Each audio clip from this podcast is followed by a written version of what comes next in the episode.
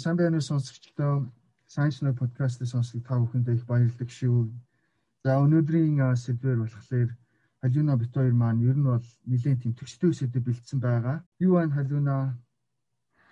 Сайн одоораа сайн сонсогчдоо ингээд 12 дахь дугаараараа уулзах байгаатай баяртай байна. Харин тийм энэ удаагийн сэдв болохоор бит хоёр ер нь бол жоохон төстэй сэдвүүдийг бол сонгож авсан байгаа тийм ээ. За одоо хоёр маань ямар сэдвээр сонгосон блэ? Хүн байдаг, хүн хэрэгтэй ретровирус гэдэг вирусны төрлийн талаар ярихаар бэлдсэн байна. Харин халиун халиунаа маань ямар сэдв бэлдсэн байгаа вэ?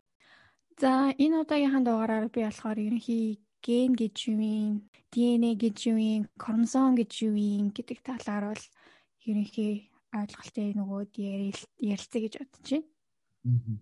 Биологийн ер нь бол хамгийн анхны шатны бол мэдгэдэггүй шүү дээ. Хормсон ДНХ гэдэг чинь тийм ээ. Харин тийм. Аа. За тэгвэл дугаар 12-аа эхлүүлъя да тий. За тэгээ дугаараа одоо ярихаа сэдвэр эхлүүлъя гэж бодож байна. За тэгээ За бүгдээрээ мэдэн дээ тий. За вирус вирус гэж юу вэ гэж юм. За вирус гэдэг нь болохоор амьд организмын эсийн дотор амьдардаг маш тийм жижиг хэлбэртэй салбарлах чадвар өндөртэй бол зүйлийг хэлнэ. Зарим нь бол амьтай, зарим нь бол амьгүй гэж үздэг тий. За вирус нь ер нь бол бүх зүйл бол салбарладаг. Амьтан, ургамал, архиа гэж одоо гурав дахь төрөл байдаг. Ийм зүйлүүд бол салбарладаг. Аха, ер нь бол вирус ч одоо яг өнөө цагийн үед одоо цар тахал болчиход байгаа тий. Коронавирус хүн болгонд аюул учруулад байгаа энэ вирус гэдэг зүйл маань яг юу юм бэ тий? Энэ талаар яг зөв. Тэгэхээр ер нь бол вирусын тухай ярихлаар сая хэллээ тий. Коронавирусын зэрэг ер нь бол хүнийг амьтдыг өвчлүүлдэг аюултай зүйлийн тухай ярьдаг дээ. Айдаг тийм ээ. Аа. За тэгэхээр бол за бүх вирус бол муу өр нөлөөтэй хор өнөөлтэй гэж бол ихэнх хүмүүс бол боддог байж магадгүй. Тэ? За зарим вирус хүн амьтан ургамлын хөгжилд бас сайнаар зөвлөсөн төлөөлсөн жишээнүүд бас олон байд юм байна. За жишээ нь бол human genome гэж мэдэн шүү дээ. Хүний бол геном гэх үү те. За ийм зүйл дээр жишээлбэл хийгдсэн олон судалгаанууд байдаг. За тэгвэл геном те геном гэдэг юу тайлбарлахад хүний одоо генетикийн материалуудын нийтлийг бол хэлдэг юм байна. Одоо ДНЭ одоо генч гэдэг юм уу те энэ бүх зүйлийг хүний хүн болгож байгаа бүх зүйлийг бол хүний геном те геном гэж бол хэлдэг. За хүний энэ геном нь болохоор те ген ДНЭ-г нийтлүүдээс хүнээс хүнд за эртний хүнээс эртний хүнд за тэгээд primates гэж хэлдэг нөгөө хүн төрхтөн тийм ээ homo erectus за neanderthal гэдэг бүгдээрээ урд нь ярьсан байгаа. За ийм хүмүүсийн бол эртний хүмүүсийн ДНХ-г оруулаад хэдэн мянган жил за бүр цаашлах юм бол нуруунд ястай амтнаас бол хүн төрлөх чинь бол 100 мянган жил одоо сая жилийн өмнөөс бол үлдсэн гэж үздэг дээ тий. Тэгэхээр өвөг одоо хэдэн сая жилийн өмнөх одоо бидний өвөг дээдс тий өвөг их эмэг их болон энэ антибийн одоо DNA-г одоо агуулсан зүйлийг бол хүний геномоос бол харж болох юм байна. За яагаад тэ бид нар бол тийм эртний амьтдын бол үлдэгдэл учраас. За ер нь бол хүний геном тий бусад амьтны геномтой бол ер нь бол төстэй байдаг. За тэр ч битгий хэл амьгүй зүйлийн геномтой бол төстэй байдаг. Аа. За жишээ хэлэх юм бол тийм ээ одоо байдал жимс биш үү банан. Аа Баядал жимсний одоо геном бол ойролцоогоор нэг 60 60 орчим хувь нь бол хүний геномтой бол адилхан байдаг. Хүний гентэй бол төстэй. Хүний гентэй бол төстэй. Хүний гентэй төстэй гэж юуг нь хэлж байгаа гэхээр нөгөө нэг амин хүчлэлийн дараал гэж байдаг шүү дээ. Амино acid sequence гэх тээ. Тэр зүйл нь бол төстэй байдаг. За тэгвэл 60% нь төстэй байд юм байна. Тэгвэл үлдсэн хэсэг нь яах вэ гэж байна. За тэгвэл үлдсэн 40% нь өөр хэсэг шүү дээ тийм ээ. За яагаад гэх юм бол хүний ген ер нь бол одоо антитин ч юм уу ургамлын тий гений зарим хэсэг нь бол ер нь бол он цагийн хугацаанд бол өөрчлөгддөг. Зохион байгуулагддаг. За тэгээд шинэ гадны биетүүд орж ирэх. За эсвэл зарим генүүд устгах техникээр бол олон шалтгаанаас болж одоо бид бол өөрчлөгдөж өөрчлөлтөнд орд юм байна. За ийм өөрчлөлтүүд нь одоо би одоо бүртэн гэж ярьдаг ч тийм уур хийх үйл явцад бол нөлөөлдөг. Хувийг бол өөрийгөө бол копидлж тийм ээ өөрийгөө бол хувлах боломжтой болно. Хувлна гэдэг бол ирээдүйд одоо өөр үдмэ үлдэн өөртөө бол өчиг үрдэг таашаа бол явна гэсэн үг шүү дээ. За энэ ДНХ-ийн өөрчлөлт нь бол ДНХ-ийн бол мутац за тэгээд вирусны олон олон төрлийн вирусны үр нөлөөгөөр бол ингэж бол өөрчлөлтөө гэж байна. За түрүүн бол бүгдээр ярьсан байгаа тийм вирус бол хүнд заантанд итгэл бол муугаар нөлөөлдөг боловч бас сайнаар нөлөөлөх зүйл бол байна. За тэгвэл ретровирус гэж юу вэ гэдгийг бол товчхон ярьчих тийм ээ. Ретро гэдэг үгчийн өөрөө ямар утгатай үг лээ? Ретро гэдэг нь болохоор эртний хуучин гэсэн үг л дээ. Аа. За ретровирус нь бол өөртөө за протеин гэж ярьдаг тийм уур хийх юм бол машин байдаггүй. За тийм учраас сүт антны ч юм уу тийм организмын дээр архиа гэж хэлээд байгаа тиймэрхүү зүйлүүдийн одоо эсрэг нэвтэрч тэр организмын эсрэг нэвтэрснээр уургийг бол үйлдвэрлэдэг. Өөртөө болон за тэр бусад зүйлийг зориулж бол уургийг бол үйлдвэрлэдэг. Тэгээд ретровирус нь өөрсдийн ДНХ болон материалыг болон бусад амтны одоо материалыг ДНХ машиныг те уур хийдэг машиныг эзлээд за тэгээд нөгөө хэсгийн нэг хэсэг шиг болж чаддсан байна. Нөгөө уур хийдэг машиныг те паразитл паразитлж ингэж өдөрдөж авснаар маш олон юм бол өөрийнхөө бол хөлбрийг хийдэг. За тэгээд ингэж өөрөө бол үүрчт юм байна л да. За ретровирус гэж юу вэ гэж юм тийм ээ. За ретровирус нь болохоор өөртөө уург буюу те протеин хийх тийм машин бол байдаггүй юм байна. За тийм уургийг бол өөртөө үйлдвэрлэж чаддаг байж ич вирус маань бол үүржих боломжтой байдаг шүү дээ.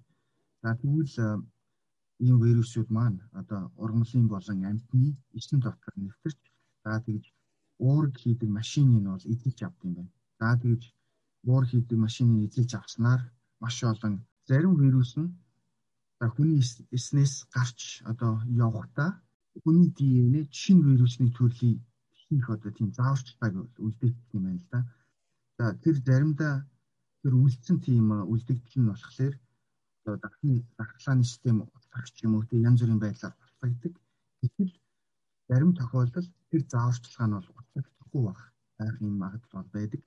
За ингэж устгагдаагүй одоо зааварчилгаанууд нь тийм ээ одоо бол хүний биед одоо янз бүрийн хэлбэрээр янз бүрийн ойлтойгоор үүрэг нөлөөтэйгээр байж одоо хүний биед бол нөлөөж идэм байна.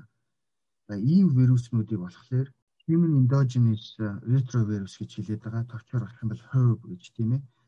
За энэ HERV гэдэг зүйл нь болохоор хүний одоо геномын 8% эзэлдэг. За тэгээд хүний үйл ажиллагаанд, хүний биеийн үйл ажиллагаанд бол маш том үүрэг нөлөөтэй бол байд юм байна. Ер нь бол хүний одоо геномын 8% гэдэг бол асар том одоо шүү дээ тийм ээ. Аа одоо бүгдээр урд нь бол ярьсан байгаа неандертал гэж одоо хүний одоо өвөг дээдс болох тийм одоо эртний тийм хүмүүс байсан. Тэдгээр бол жишээлбэл бол 2% ч юм уу тийм хамгийн дээдстэй бол 4% одоо хүний зарим төрлийн одоо хүний 2% 4%-ийг эзэлдэг гэсэн бол вирус бидний биед ерөнхийдөө бол 8 орчим хувийг бол эзэлдэг гэдэг. Тэгэхээр маш том өөр нөлөөтэй. Ер нь бол баг л бидний өвгдөөсийн зарим хэсэг нь бол вирус байсан гэдээ хэлэхэд бол буруутгахгүй ч үгүй юу. За тэгвэл олон төрлийн ийм ретро ретро вирусны бол энд бол байд юм байна. За жишээ нь за herb гэж төр байсан тийм herb H гэж төрлийн ийм одоо ретро вирус байна. Энэ нь за өндгөн ис болон одоо sperm тийм ээ нэгдсэний дараа хэд хоногийн дараа одоо ер нь бол нөлөөлөл үзүүлдэг ийм одоо вирус юм байна. За өндгөн ис болон эргэжтэй sperm нэгдсэний дараа одоо өр хөвөглийг одоо бий болгодог шүү дээ. За тэгээд өр хөвөглөл нь бий болоод за энэ нь болохоор энэ fluoropotent гэж ийм төлөвт байд юм байна л да. За энэ төлөв нь болохоор за ерөөхдөө бол нэг 4-5 хоног бол үргэлжилдэг. За энэ үед а ис тэ одоо нургийн тэ биеийг бол бүдүүлэх юм үеийг бол энэ үед болохоор ер нь ямар ч иш ямар ч төрлийн ил одоо бол төр боломжтой чадтай байдаг.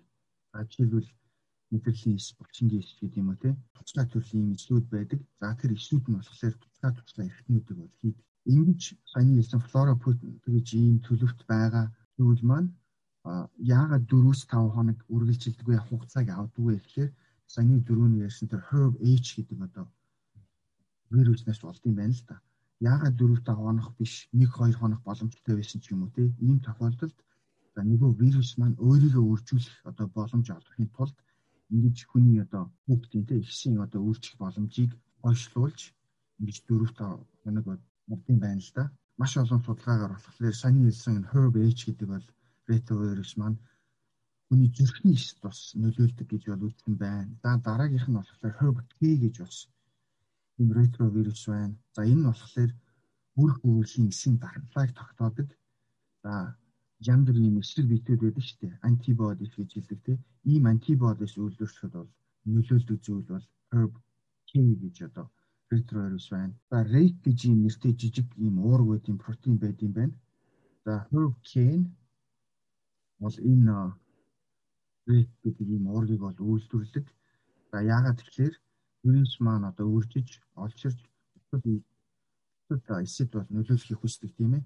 За гэтэл энэ рек уургийг үйлдвэрлэх явц нь бусад вирусны эсрэг уург үйлдвэрлэх ахыг өгч за тэгээд нийтлэлээр болохоор ингэснээр хүү үр хөвөрлийн эс за өөрөөр хэлбэл урагтай ихэн гидсэнд байх үедээ бусад вируснаас хамгаал хамгаалагддаг нөгөө талдаа болохоор нөгөө ретровирус маань өөрийгөө бас үйлдвэрлэх юм бас боломжийг олгох юм байна. Юу нэг тийм үг байдаг ч тийм Монгол хэлний нөгөө сохорсон биш зах шиг билүү.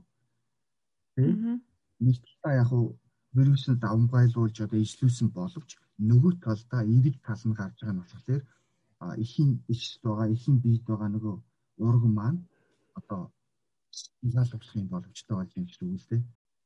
Саяны ярьсан тийм ээ. Ретро вирус мэд маань болохоор урганд нөлөөлдөг, ихсэн нөлөөлдөг гэж ярьснаас гадна а бас насанд хүрсэн хүний одоо бусад вирустэй тэмцэх одоо сэтгэл бие төлөвлөсөд бол нөлөөлдөг гэж үзсэн байна.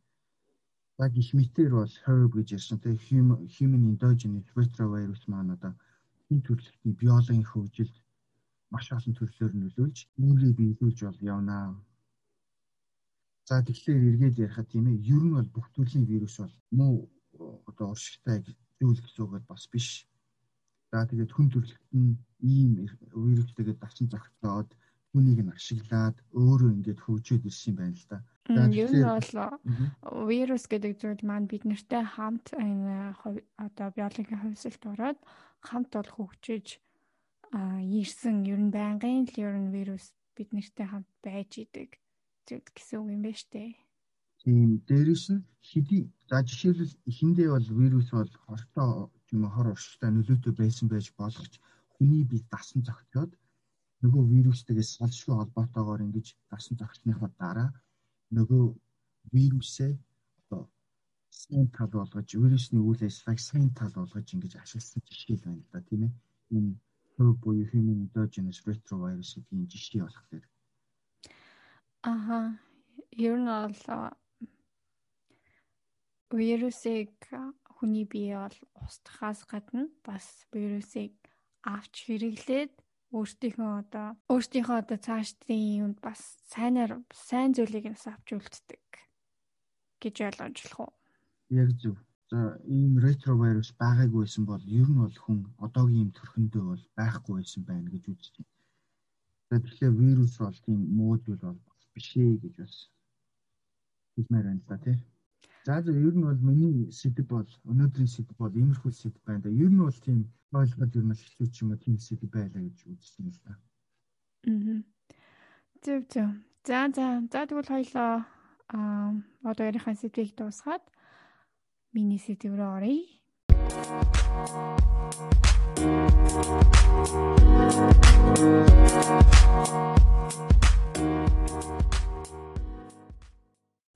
За тэгэхээр хүний ген гэдэг зүйл сая одоо хоёр маань бас ярьсан тийм ээ. Хүний ген гэдэг зүйл маань болохоор ер нь бол ген гэдэг зүйл маань одоо бидний хүн гэдэг тодорхойлтыг өгч юм. За бусад амьтад тухайн амьтны тодорхойлтыг өгч юм тий. зохижин гэх амтан ямар дүрс хэлбэртэй, ямар зан характертай байхын. За тэгээд тав шүү малын одоо үхэр гэдэг амтан маань ямар характертэй, ямар зан байдалтай, ямар бүтцтэй байхыг бол тухайн одоо амтан болгоны ген нь бол тодорхойлждаг. За тэгвэл хүн гэдэг амтан тийм ээ бид нар хоорондоо аа гений хувьд болохоор 99.9% хоорондоо адилхан. А гэтэл үлдсэн тэр 0.1% гэдэг ген маань одоо хүн болгонд өөр өөр байдаг. Учираас хүн болгон биенээсээ өөр байдаг. За тэгвэл таныг тэр онцгой болгож өгж байгаа тэр 0.1%-ийн гэн гэдэг зүйл маань одоо таныг яаж онцгой болгож өгж гин вэ гэхэлэр та бол урд нь энэ дэлхий дээр амьдарч исэн хүн төрлөختн тийм ээ. За мөн одоо амьдарч байгаа хүн төрлөختн. За тэгээ ирээдүйд амьдрах хүн болгоноос та бол онцгой. Юугаараа онцгой гэвэл тэр 0.1% бусдаас бусад хүмүүсээс өөр гинтэй учраас тухайн хүнийг одоо GB гэдэг хувь хүн бусдаас өөр байх онцлогийг бол гаргаж өгч байгаа. Нэг юм асуугаад хуу. За. Одоо тэр 0.1 хэдэн хувийн одоо өөр гэдэг байгаа шүү дээ. Тэр өөр гэдэг чинь болохоор энэ ATGC гэдэг энэ үсгэн дарааллуудын эцнүүдийн дарааллын өөрийн өөр ялгааг бол хэлж байгаа шүү дээ, тийм ээ. Тийм тийм. Ахаа хүн болгоны ген бол энэхүү дөрвөн үсгийн дараал нь өөр, одоо код нь өөр гэсэн. Өөр байдаг учраас өөр уургуудыг үйлдвэрлэдэг. Өөр уургуудыг үйлдвэрлэдэг учраас бид нар биенээсээ өөр харагддаг гэсэн үг. За тэгвэл хүн бол ер нь бол нийтдээ нийт одоо үний нийт ДНХ молекулын маань тодорхой хэсэг нь бол одоо ген ген одоо уург үйлдвэрлэх юм чадвартай байдаг. За тэгвэл хүн бол ер нь 20 мянгаас 25 мянган гентэй гэж үздэг юм бэ. А тэгээд энэ нь болохоор нийт ДНХ молекулын маань 3% эзэлдэг эзэлж идэг гэсэн үг. За тэгвэл үлдсэн 97% нь ген биш юм бол юу юм бэ гэд тийм ээ. За эрдэмтэд болохоор энэ дээр бол тодорхой сайн судалгаа байхгүй байгаа ч гэсэн ерөнхийдөө бол нөгөө нэг үлдсэн 97% нь тухайн нөгөө нэг генийхаа хэсгийг зохицуулж удирдах юм үүрэгтэйж магадгүй гэсэн тамхтай байдаг юм байлээ. 20 мянгаас 25 мянган ген гэсэн үү те? Тийм. Тэгээд ер нь энэ ген болгон ч өөр өөр ингэсэн үүрэгтэй шүү дээ. Жишээлбэл бол нэг ген одоо жишээлбэл нүдний ингээд тодорхойлдог гэдэг юм уу? Өсний одоо өнгийг тодорхойлдог гэдэг юм уу тийм ээ? Тийм. Аха. Ген болгон өөр өөр ингэсэн үүрэгтэй тийм ээ. Өөр өөр ингэсэн одоо уургийг онцгой өөр өөр ингэсэн онцгой уургуудыг бол кодлж гаргаж идэг. За тэгвэл хромосом гэж юу юм бэ гэхэд тэгэхээр хромосомыг болохоор хамгийн анх эрдэмтэд 1800-аад оны үед микроскопын тусламжтайгаар эсийг эсийн хуваагдлын үеийг ажиглаад хромосомыг бол анх тодорхойлж ирсэн байлаа. За тэгвэл хромосом гэдэг нь яг юу юм бэ гэхлээр гэхлээр а одоо бидний ДНХ молекул одоо тэр шатшиг молекулууд маань шүү дээ. Ингээд хүний бүх эсийн за тэгээд эсэн дундаа бүх эсэн доторх бүх ДНХ-г ингээд хооронд нь үзүүрээс нь нөгөө үзүүр хүртэл ингээд холбоод үзэх юм бол энэ маань бол 100000 км орчим урттай болдог. Тэгэхээр бол ямар асар их ямар урт ийм одоо молекул вэ гэдэг нь бол эндээс харагдаж байгаа. За тэгвэл энэ молекулыг эсийн цүн гэдэг зүйл маань яаж хадгалж авч явдгийг те. Гэт тэгэхээр ерөнхийдөө болохоор хистон гэдэг уураг байдаг. Энэхүү уурагны гадуур ДНА маань өөрөө ороогдоод нэгтаршаад тэгээд хромосом хэлбэрээр бол эсийн цөмд бол байрлаж идэг. За хүн бол 23 хос хоромсомтой гэж ярьдагтэй. Нийт бол 46 хоромсомтой. Нэг нь аваасаа нэг нь ээжээсээ авах нь үстэй тий. Тийм одоо 23 хос хоромсомын нэг тал нь бол ааваасаа нөгөө тал нь бол ээжээсээ тэгээд нийтдээ 23 хос хоромс тэгээд 23 хос хоромсом гэж яригддаг бөгөөд нийтдээ бол 46 хоромсомтой байдаг хүн тийм ээ. За тэгвэл нэг тохоос хоёр тохоос хоромсом гэж яваад 23 дахь хос хоромсом болохоор нөгөө хүйсийг тодорхойлдог хоромсом байдаг. За эрэгтэй хүүхэд бол XY, эмэгтэй хүүхэд бол XX гэсэн хромосомтой байдаг гэсэн үг. Эсийн хуваагдлын үед бол хромосомын гажуудал гэж үздэг. Аа жишээ нь бол хүн болгон одоо хос хоромсомтой одоо энгийн хүн болгон одоо хос хоромсомтой байдаг бол аа зарим одоо хромосомын гажуудлын үед бол илүү хромосом одоо эсийн хуваагдлын гажуудлаас болоод илүү хромосом бол үүсэх боломжтой. За за энэ маань болохоор өөрөө айгүй цаагаараа эрүүл мэндийн асуудлыг бол дагуулж идэг. Жишээ нь болохоор за жишээ нь бол өөр хөвөрлийн үед те 23 хос хромосомын маань одоо нь HS буюу өндгийн эсэст те а нөгөө 23 хромосом нь болохоор сперм буюу эр бүлгийн эс эс нэгдээд ингээд 23 хосромсом үр тогтож та би болдог тийм үү. За тэгвэл зарим үед болохоор бид нар бол даун синдром гэж аюу сайн мэдж байгаа. Даун синдром яаж үүсдэг вэ гэхэлэр хүний 21 дэх хоромсом одоо 21 дэх хоромсом хос хоромсом байх хэрэгтэй байдаг бол одоо ямар нэгэн одоо эсийн хуваагдлын гажуудлаас болоод нэг илүү харамсан бол ирснээрээ 21 21 дэх хос харамсан нь бол гурвалсан болж ирдэг гэсэн үг. За ингэснээрээ бол нөгөө нэг даун синдромтой а одоо даунтай хүүхдэд бол төрөх юм магадлалтай. Нөгөө даун синдром гэснээс Энийг ч нөгөө хуучин үед нөгөө шинжлэх ухааны энэ сайн хөгжээгүй үед нөгөө монголчуудтай холбоотой өвчин энэ гэж ярьдаг байсан шүү дээ. Европт бол тийм ээ. Тэгэхээр хан монголоид гэж ярьдаг байсан гэсэн. Яг нөгөө расист үзэлтэй холбоотой байх л та. Нөгөө нэг арьс өнгөний үзэлтэй тийм ээ. Хүүхдүүд ч юм уу тий одоо юм шин даун синдромтой хүмүүсийн нүд нь одоо юм жижиг одоо Аз хичээр нөгөө ондгын нүдтэй байдаг шүү дээ. Тэгэхээр оо нөгөө монголчууд Европыг эзлэх үедээ одоо ингээд өрөөд маа үлдээсэн. Одоо тэр нь одоо муу харамсан муу одоо гентэй юм улсуудын өр үлдэх юм ийхүү байлаа нөгөө. Хаш өнгөний үзэлтэй холбоотой гэж үздэг л дээ. Тийм манай нийгэмд бас даун синдромтой хүүхдүүдийг тийм сайнэр хүлээж авахгүй тийм хандлага байгаад идэг.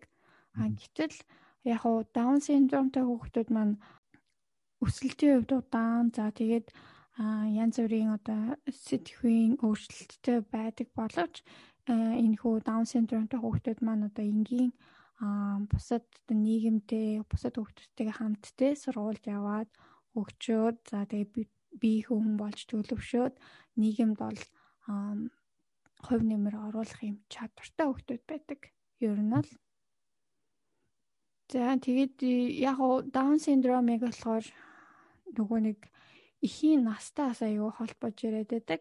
Одоо төрж би их маань өөрөө 25 35-аас дээш одоо байх юм бол даунтай өгдөх магадлал ихсдэг ч гэдэм үү те.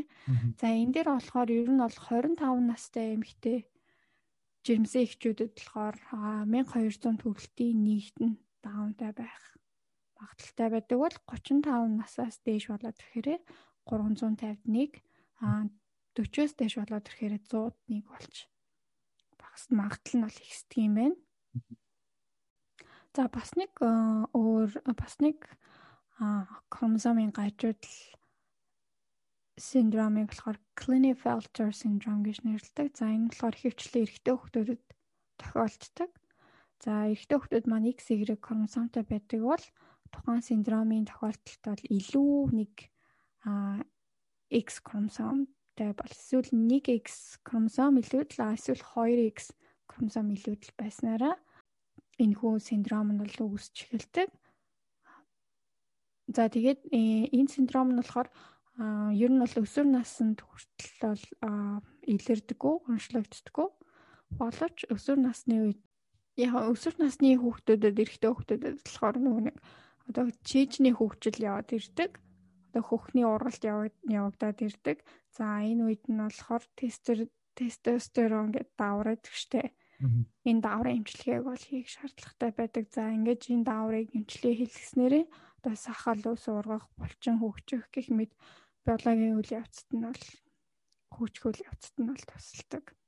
нэг юм асуугаад туу. Эн чинь нөгөө нэг одоо нэг хүүхэн одоо нэг юу гэвэл нөгөө феминин гэж ярьдаг штэ. Зарим эрэгтэйчүүд чинь нэг тийм одоо эмэгтэй хүн шиг юм уу байдаг штэ. Энтэй бас холбоотой байна штэ тий. Тийм тийм. Аа энэ бас хромосомын гажуудлаас болоод үгдсэн байж болно. Аа. За дараагийн бас нэг синдром болохоор Jacobson syndrome гэж яригддаг. За энэ маань болохоор мөн бас эрэгтэй хүүхдэд а гэхдээ энэ удаад XY гэж байдаг бол нөгөө нэг илүү Y хромосом нэмэгдэж ирээд 47 хромосомтой болоод ирэх юм бол энэ Jacobson syndrome та гэж үздэг. За тэгээд төрж буй эрэгтэй хүүхдийн одоо 1000 төрөл тутмын нэгд бол тохиолддог.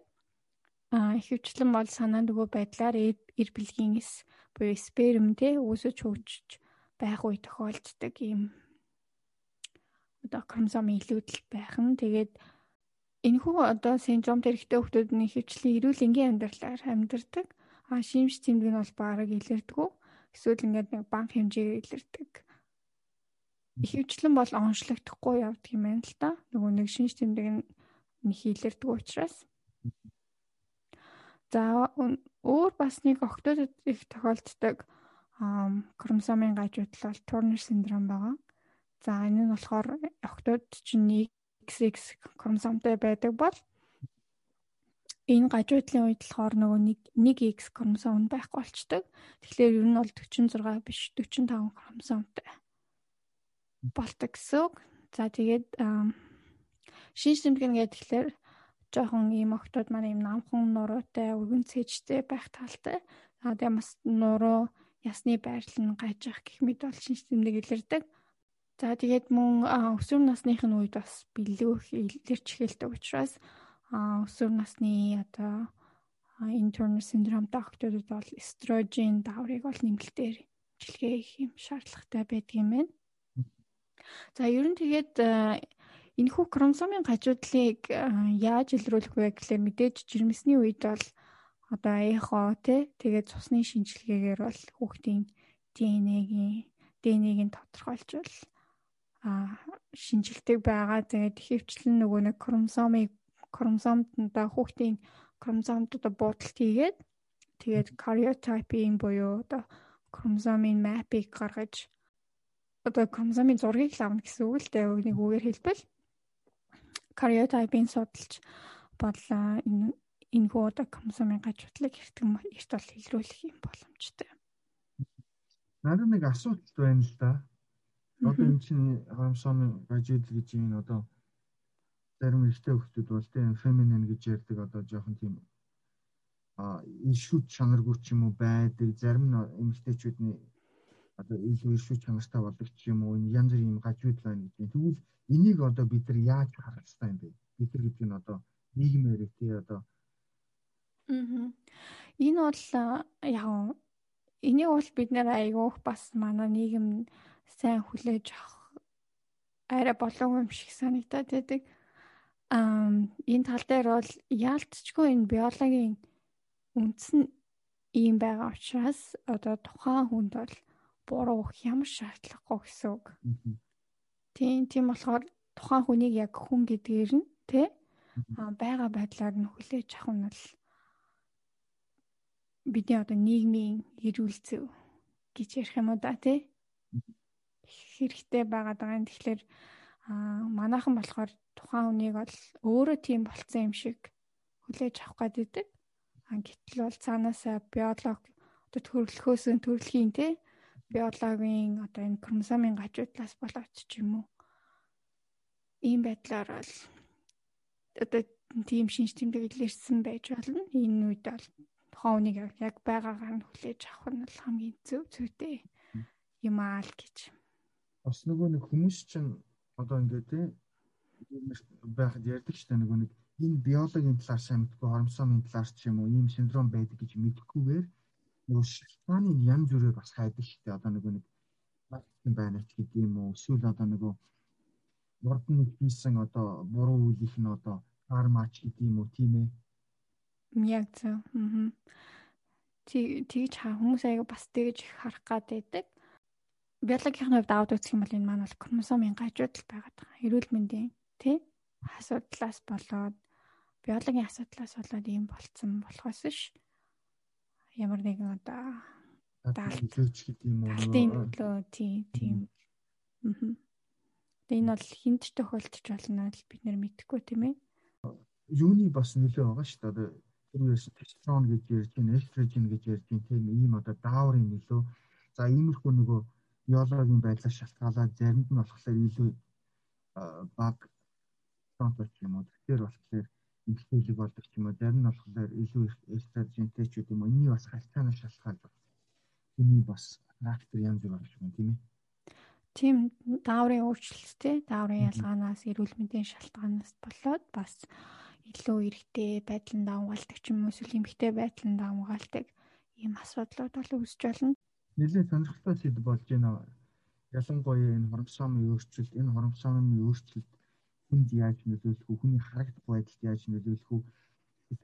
За тэгээд цаашлаад одоо биологийн процесс яаж нөлөөлөх вэ гэдгийг бол маш э, сонирхолтой байдлаар тайлбарласан. Сонирхолтой сэдв байна. Баярлалаа. За за за тэгвэл энэ хүрээнд хоёлоо дугаараа өндөрлүүлье. Ингээд сонсогчд маань тодорхой мэдээлэл болж очиж чадсан байх гэж найдаж байна. Аа. За за. За тэгээд дараагийнхаа дугаараар уулзтлаа. Түр баяртай сонсогчдоо. Баяртай сонсогчдоо.